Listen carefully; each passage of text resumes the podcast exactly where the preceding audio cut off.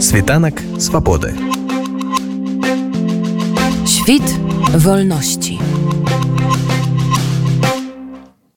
Вольга нам не ўсё адно 12 гадзін беларускія сМ ініцыятывы эпіненмейкеры будуць казаць пра палітвязняў якія мэты вы ставілі перад сабой калі выходзілі з ідэі такога марафону Идея этого марафона, конечно же, в первую очередь заключается в сборе средств. Мы знаем, что э, организации, фонды, правозащитные инициативы, которые все эти годы помогают политзаключенным и их семьям, сталкиваются часто с тем, что запросов на получение помощи и поддержки у них больше, чем ресурсов, которыми они располагают. Поэтому, безусловно, учитывая масштаб политических репрессий и такое огромное количество политзаключенных, заключенных в стране, мы должны объединяться, чтобы помогать им усиливать их работу и помогать большему количеству людей, чем они сейчас помогают. Но также важная цель марафона — это объединение. Ведь на самом деле в даже нашем движении демократическом есть очень много конфликтности, несовпадений взглядов. Мы по-разному можем видеть некие политические стратегии, выходы из кризиса. Поэтому наша задача задача в том числе показать вот это объединение и солидарность вот на примере этой очень болезненной темы для многих из нас, проблемы политзаключенных. И это тоже как такой дополнительный эффект этого марафона, показать, что все-таки, несмотря на все сложности, на все вот эти вызовы и риски, мы готовы объединяться. Вы закранули тему финансов, а ці поставили вы уже перед собой какие-нибудь мэты, кольки вы хочете собрать? Конечно, мечта мечтаем, а, и мы считаем, что, конечно, в рамках такого марафона будет очень а, здорово и очень актуально, если мы соберем ощутимую сумму средств, да, что это будет там не несколько тысяч евро, а сумма, в рамках которой большое количество семей сможет получить поддержку. Но важно понимать реальность, важно понимать контекст, в котором сейчас оказалась Беларусь, и как бы примеров таких сборов много. Мы видим, как собираются персональные сборы на том же Байсоле и так далее. А, наверное, я бы мечтала и была очень довольна, если бы мы пришли к сумме примерно равной 100 тысячам. і ўсё роўна гэта нават маленькая сума тому что мы сёння подлічылі что нават калі на кожнага палітвязня якіх зараз новость па данных вясны там каля 1500 чалавек сабраць по 100 еўра то все равно это отрымливается уже 150 тысяч.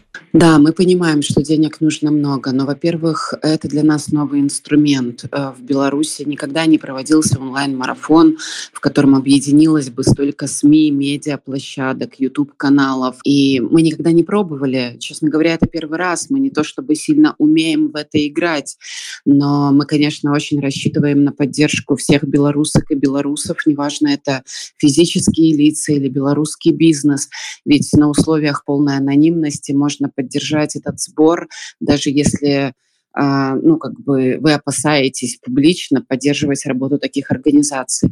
Да, нам необходима гораздо большая сумма средств, чтобы мы честно могли признаться, мы помогли всем, кому нужна помощь и кто ее запросил. И это та цель, к которой нам надо стремиться. Но это наш эксперимент, скажем так, да, это первая попытка понять, работает это или не работает. Если мы поймем, что это эффективный инструмент, мы будем продолжать развивать эту идею солидарности. А если мы поймем, что это, ну, такая вещь, которая не приносит больших ресурсов, большой поддержки, мы будем придумывать что-то новое. Поэтому я думаю, что мы в воскресенье в 23.59, когда закроется сбор донатов, и мы увидим итоговую сумму, мы тогда уже будем давать оценку и принимать решение, как действовать дальше. Вы же сказали, што ёсць запыты у вас на дапамогу А што гэта за запыты? Якая дапамога патрэбна палітвязням мы провели предварительную работу мы вышли на контакт со всеми благотворительными фондами фондами солидарности правозащитными инициативами о ком мы наслышаны о чьей работе мы наслышаны. Это 25 организаций инициатив и мы общались с ними собирали э, их представления о, о незакрытых потребностях их целевых групп. И на основании этого мы, конечно, получили вот эту очень серьезную информацию, что семей, которым нужна помощь, их, конечно, гораздо больше, чем прямо сейчас организации могут, ну, скажем так, обработать. Когда мы продумывали, на что пойдут собранные средства на марафоне, мы поняли, что есть определенные приоритетные области для поддержки семей. Первое и главное, конечно, это оплата услуг адвокатов. Мы все прекрасно помним и знаем, какие это дорогостоящие услуги и как тяжело на политическое уголовное дело сейчас найти адвоката в стране. Второе – это такие бытовые расходы, кажущиеся неважными, но это продуктовые посылки, передачи. Это вещи первой необходимости, которые нужны человеку в заключении. Но также и поддержка семей. Ведь на самом деле зачастую единственный кормилец в семье, попадающий в заключение, но у политзаключенного могут быть престарелые родители, дети. У нас сидят десятки многодетных родителей. То есть мы знаем, что это семьи, в которых три ребенка и более. Поэтому мы в определенных пропорциях будем распределять эти средства на различные нужды. Адвокаты, продукты, поддержка семей э, и так далее. Ну і зараз ужо з'явілася ўсё больш палітвязню якія ўжо выходзяць якія адбылі свой тэрмін. І ведаю што таксама праблема з падтрымкай такіх людзей. Ці ўжо распрацавалі вы якія-небудзь механізмы як можна маштабировать гэтую падтрымку? Да к сожалению это огромная проблема это огромная боль потому что мы все еще сталкиваемся с проблемой недостаточности ресурсов. И важно понимать что люди которые вышли отбыв полностью наказания либо вышли из следственных изоляторов, получив химию. А, тут есть две проблемы. Первая проблема связана с тем, что многие политзаключенные остаются внутри страны, они остаются под повышенным риском. В основном они безработные, потому что их увольняют в момент заключения. Им нужна и финансовая помощь, и помощь с психологической вот такой поддержкой, и медицина. Ну, то есть как бы а, на самом деле последствия длительного заключения, они для человека колоссальные, затрагивают все уровни его жизнедеятельности, скажем так. Но и проблема те, кто экстренно эвакуировались. Таких э, людей тоже их сотни уже. И они приехали в страны, где им нужно помогать с легализацией, им нужно э, помогать арендовать жилье, помогать искать работу, поддерживать их.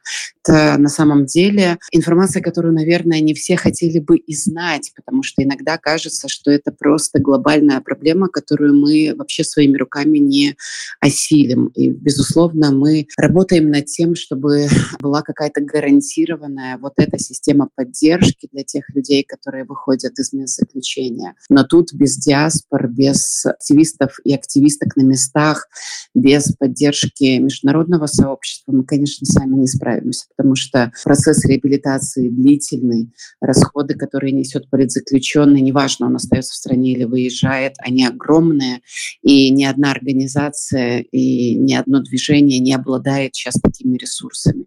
Это та задача, та проблема, которую нам нужно вместе решать. Вось ужо на пэўны час вы скажем так курыруеце тэму палітвязняў на высокім узроўні так у кабінеце святланы ціхановскай. А што вы за гэты час вось якія высновы вы для сябе зрабілі?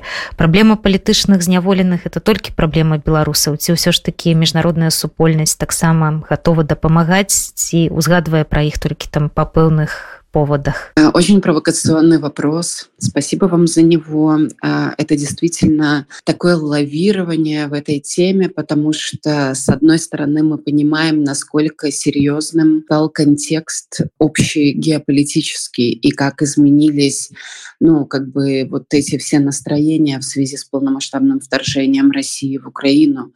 И когда рядом происходит такая гуманитарная катастрофа, война, вот это вот зло в чистом виде, мы понимаем, что, к сожалению, в международной повестке Беларусь отошла на другое место, и у нас уже нет как бы той поддержки, которая была ранее, и нету тех ресурсов, но важно понимать, что международное сообщество, оно все-таки, пускай не так, как нам хотелось бы, но оно реагирует. Реагируют страны, которые не понаслышке знают, что такое политзаключенные. Реагируют символические крестные, которые взяли опеку над политзаключенными, потому что они видят, знают информацию о насилии, пытках в тюрьмах, о смертях политзаключенных в тюрьмах.